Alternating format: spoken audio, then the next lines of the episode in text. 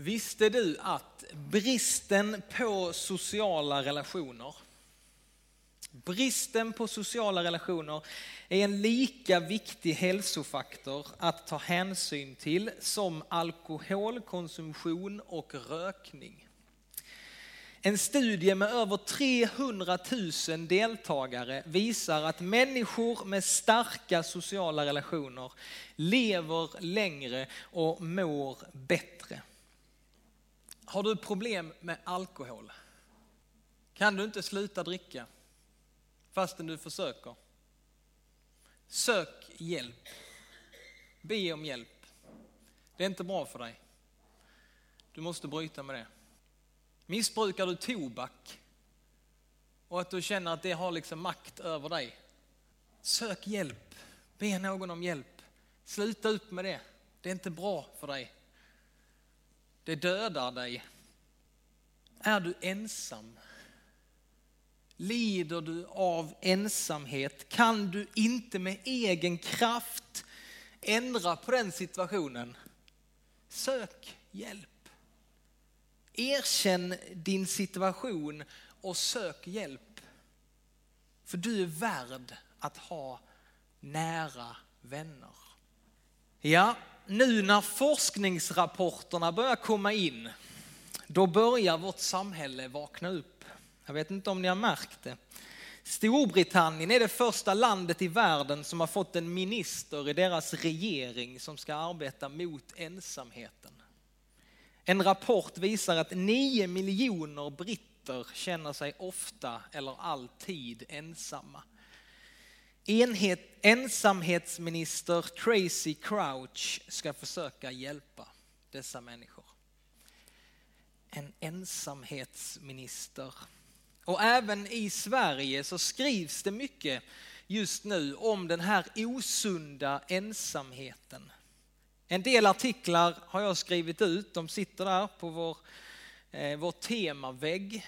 Läs gärna dem om du inte har gjort det. Och som jag sa för två veckor sedan när vi började den här temaserien om vänskap så tror jag att vi som kristen församling har något oerhört värdefullt att få erbjuda människor i Helsingborg när det gäller gemenskap och vänskap.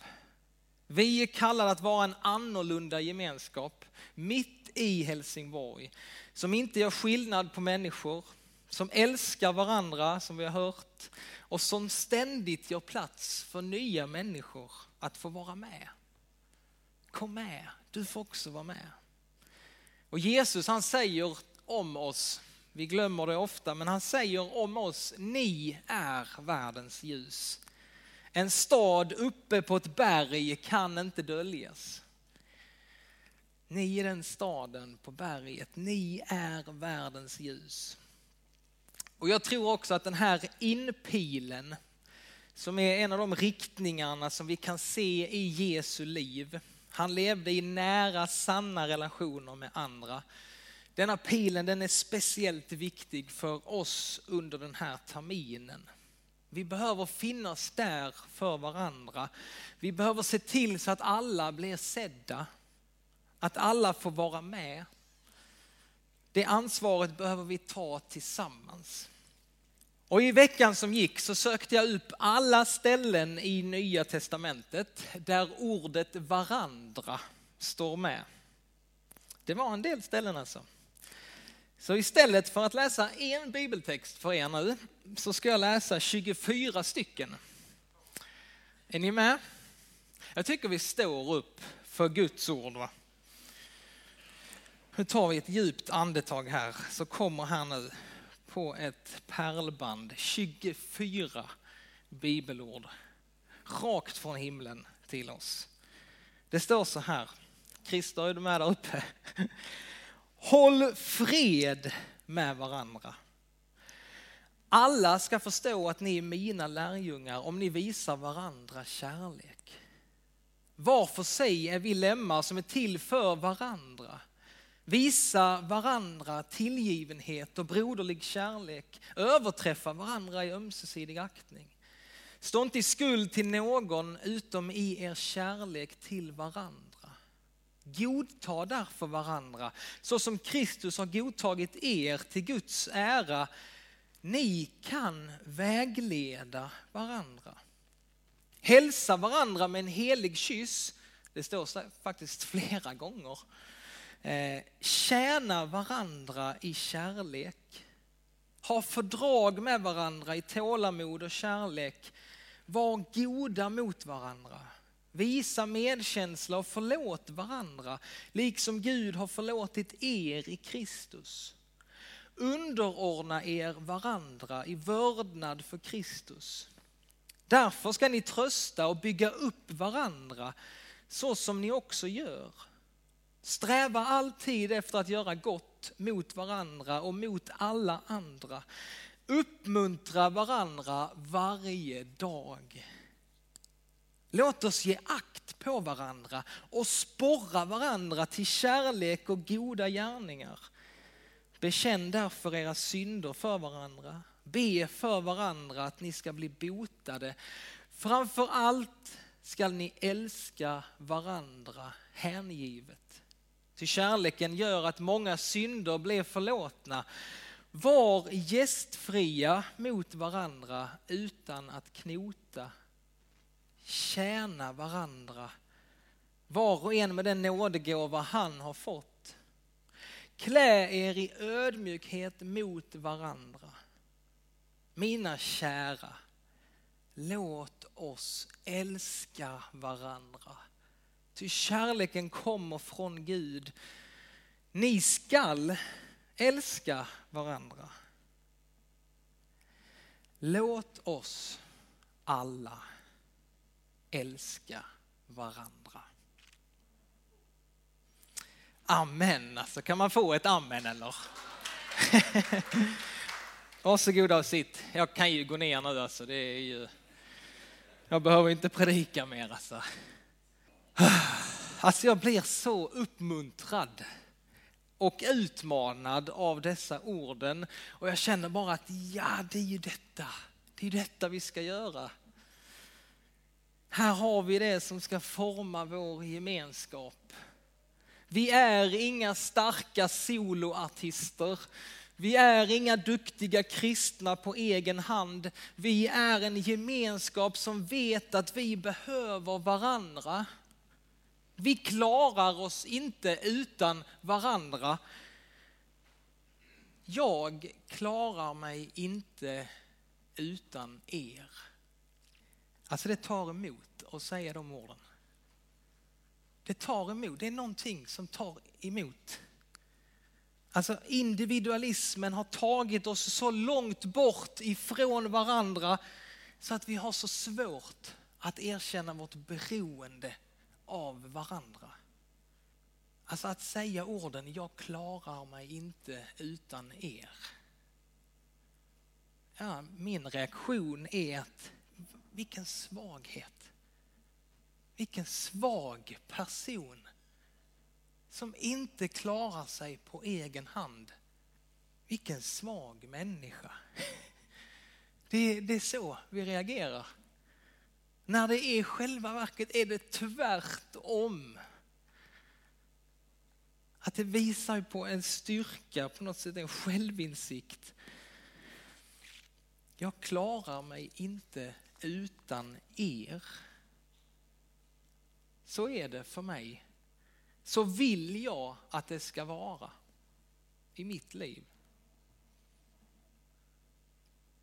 Alltså försök uppfylla de befallningarna på egen hand som vi gick igenom här. Hur ska du göra det ensam? Det går inte. Vår Gud han är gemenskap i sig själv. Fader, son och helig ande. Och han kallar dig in i den gemenskapen. Men han kallar dig också till gemenskap med hans folk, med Guds folk. Och det går inte att välja bort. Det ingår i kallelsen till Jesus. Du är kallad till ett liv i gemenskap nära Jesus men också nära andra människor.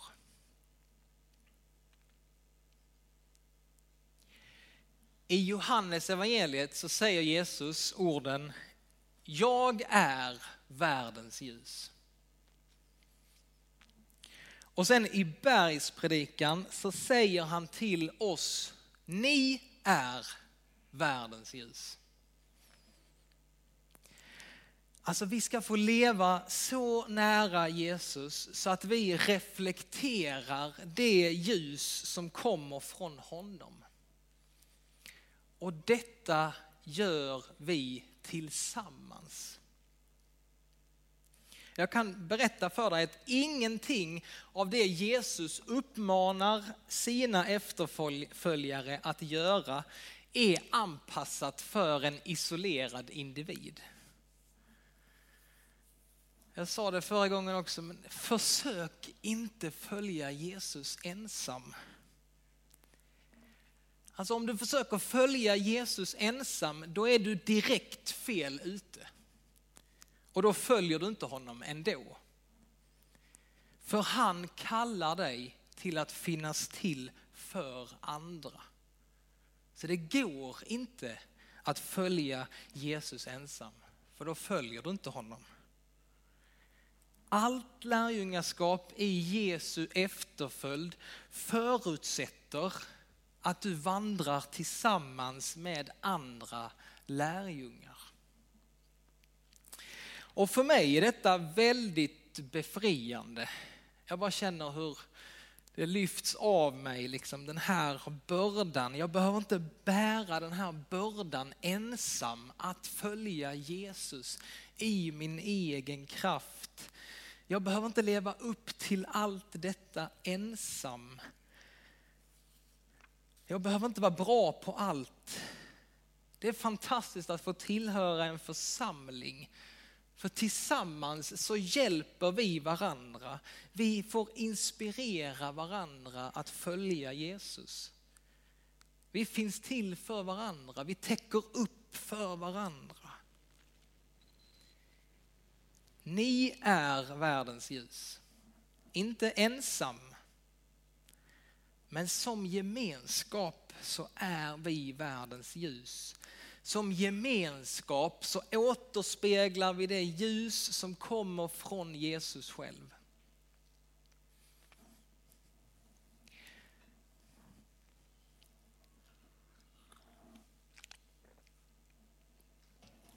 Men varför, varför, varför, varför är det så svårt med gemenskap då?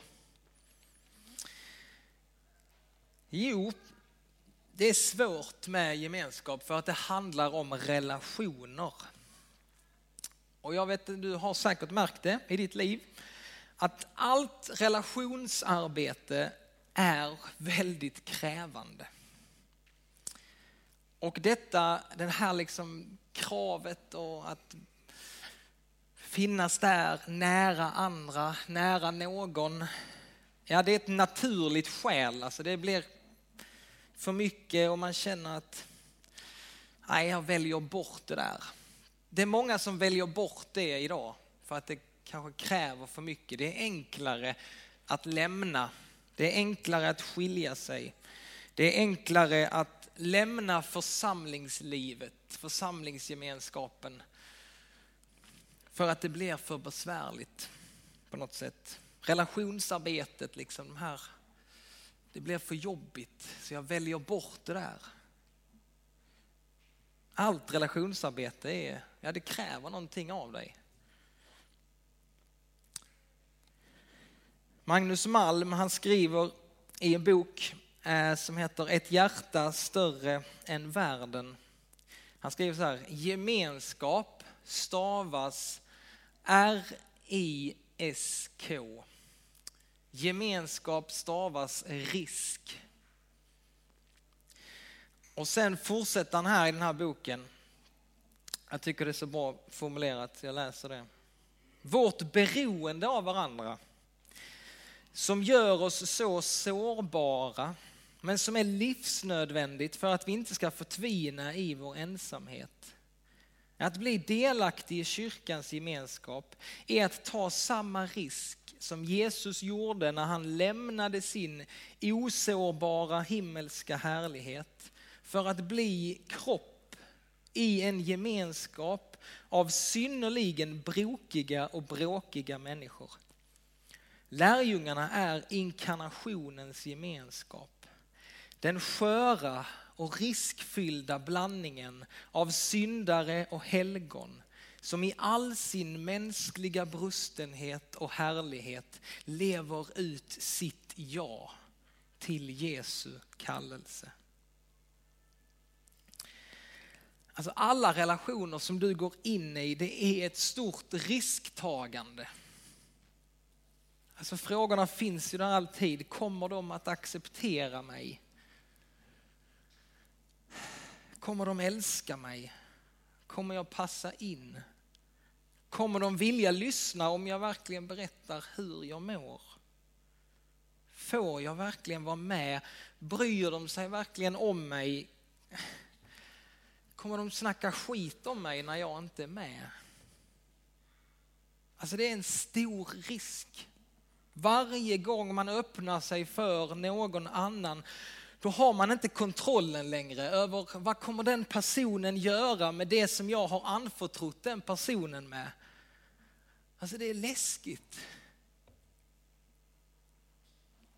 Det är jobbigt, det är obekvämt. Och har man blivit sviken, baktalad eller utesluten tidigare så är det ännu svårare att våga lita på andra igen. Men vi har inget val. Vi har inget val om inte vi vill förtvina bort i vår ensamhet. Och jag tror inte du vill det heller. Vi måste våga öppna upp för andra. Våga lita på andra igen. Våga ta tag i de där livsviktiga relationerna i ditt liv. Och så vill jag att du ska ha med dig det här. Att du kommer säkert bli sviken igen. Jag vill att du ska ha med dig det här att om du går in med ditt hjärta och din själ i den här gemenskapen, i den här församlingen. Om du satsar liksom på nära relationer här så kommer du troligtvis bli besviken och sårad av andra. Om du är här tillräckligt länge så kommer du bli sårad och besviken och du kommer troligtvis också såra andra här. Vad säger jag nu? Ska det stå så här? Så ska det inte vara. Ska, är det, ska det vara så? Ja, så är det. Det är så det är. I alla gemenskaper, alltså tänk själva, i alla gemenskaper där bristfyllda människor som du och jag väljer att leva nära varandra. Jo, vad händer? Det blir konflikter, stridigheter och vi sårar varandra. Välkommen som medlem. Vi har medlemsintagning snart igen. Alltså det finns ingen perfekt gemenskap. Det finns ingen perfekt församling. Alltså när du blir besviken på någon här, när du blir sårad av någon här, då kan du fly till något annat och så kan du säga, jag trodde i alla fall inte att jag skulle bli sårad i kyrkan. Alltså där man tänkte att den platsen i alla fall, där skulle man inte bli sårad. Och så lämnar man för någonting annat. Men det är inte så vi ska hantera det. När vi kivas, när vi gör varandra ont, vad gör vi då? Jo, då förlåter vi varandra. Vi försonas och vi ber varandra om förlåtelse. Vi löser inte detta genom att visa upp en perfekt gemenskap. Vi har en perfekt gemenskap där vi inte behöver förlåtelse. Det låter ju fruktansvärt om man tänker på det. Nej, vi, här, vi har en gemenskap här där vi vill öva oss på just förlåtelse. Jag tror detta är Guds tanke med församlingen. Inte att visa upp en liksom perfekt gemenskap utan att det ska vara en gemenskap fylld av bristfyllda människor som får öva sig och leva i förlåtelse och kärlek till varandra. Alltså var annars ska vi lära oss att leva i förlåtelse, tålamod, ödmjukhet, att ha överseende med varandra? Jo, vi får öva oss på det, vi får lära oss av det här i Guds församling. Tanken är att vi ska få vara en försonad gemenskap. Vi har inte valt varandra. Gud har utvalt oss att vara hans församling på denna platsen i den här tiden. Jag är så glad över att Gud har placerat mig här just med er. Jag tror att han har så mycket gott för oss när vi vågar leva nära varandra, nära honom, i en försonad gemenskap mitt i Helsingborg. Nu ska vi få eh, strax fira nattvard tillsammans. Och varje gång vi firar nattvard så är inte det bara liksom att jag ska få min relation med Gud och jag ska få förlåtelse av honom och det är ju fantastiskt. Va? Men varje gång vi firar nattvard så bekänner vi att vi är en och samma kropp. Ni kanske inte visste det, men det gör vi varje gång vi firar nattvard. Det är en bekännelse att vi är ett. Vi är sammanlänkade med varandra. Så om en kroppsdel lider, ja då är vi, den övriga kroppen, skyldiga att hjälpa den personen. Om någon saknar något så finns vi där för varandra. Så är vi, fastän många, en enda kropp. Till alla får vi del av ett och samma bröd. Vi bekänner att vi är en enda kropp. Och vi bekänner också att vi tar ansvar för varandra. Vi äter Kristi kropp och vi blir Kristi kropp. Vi blir det vi äter. Vi tar emot det som Jesus säger till oss. Ja, vi är din kropp i Helsingborg. Ja, vi är världens ljus. Så inför det så får vi vända oss till honom. Vi får be och bekänna vår synd, det som har blivit fel i våra liv. Jag bekänner inför dig, helige Gud, att jag ofta och på många sätt har syndat med tankar, ord och gärningar. Tänk på mig i barmhärtighet och förlåt mig för Jesu Kristi skull vad jag har brutit. Herre, hör nu varje hjärtas tysta bön och bekännelse. Och till dig som ber om dina synders förlåtelse säger jag på Jesu Kristi uppdrag, dina synder är dig förlåtna. I Faderns, Sonens och i den helige Andes namn. Amen. Låt oss tacka och be. Gud vår Fader, tack för att vägen till dig alltid är öppen genom Jesus Kristus. Hjälp oss att leva i din förlåtelse Stärk vår tro, öka vårt hopp och uppliva vår kärlek. Amen.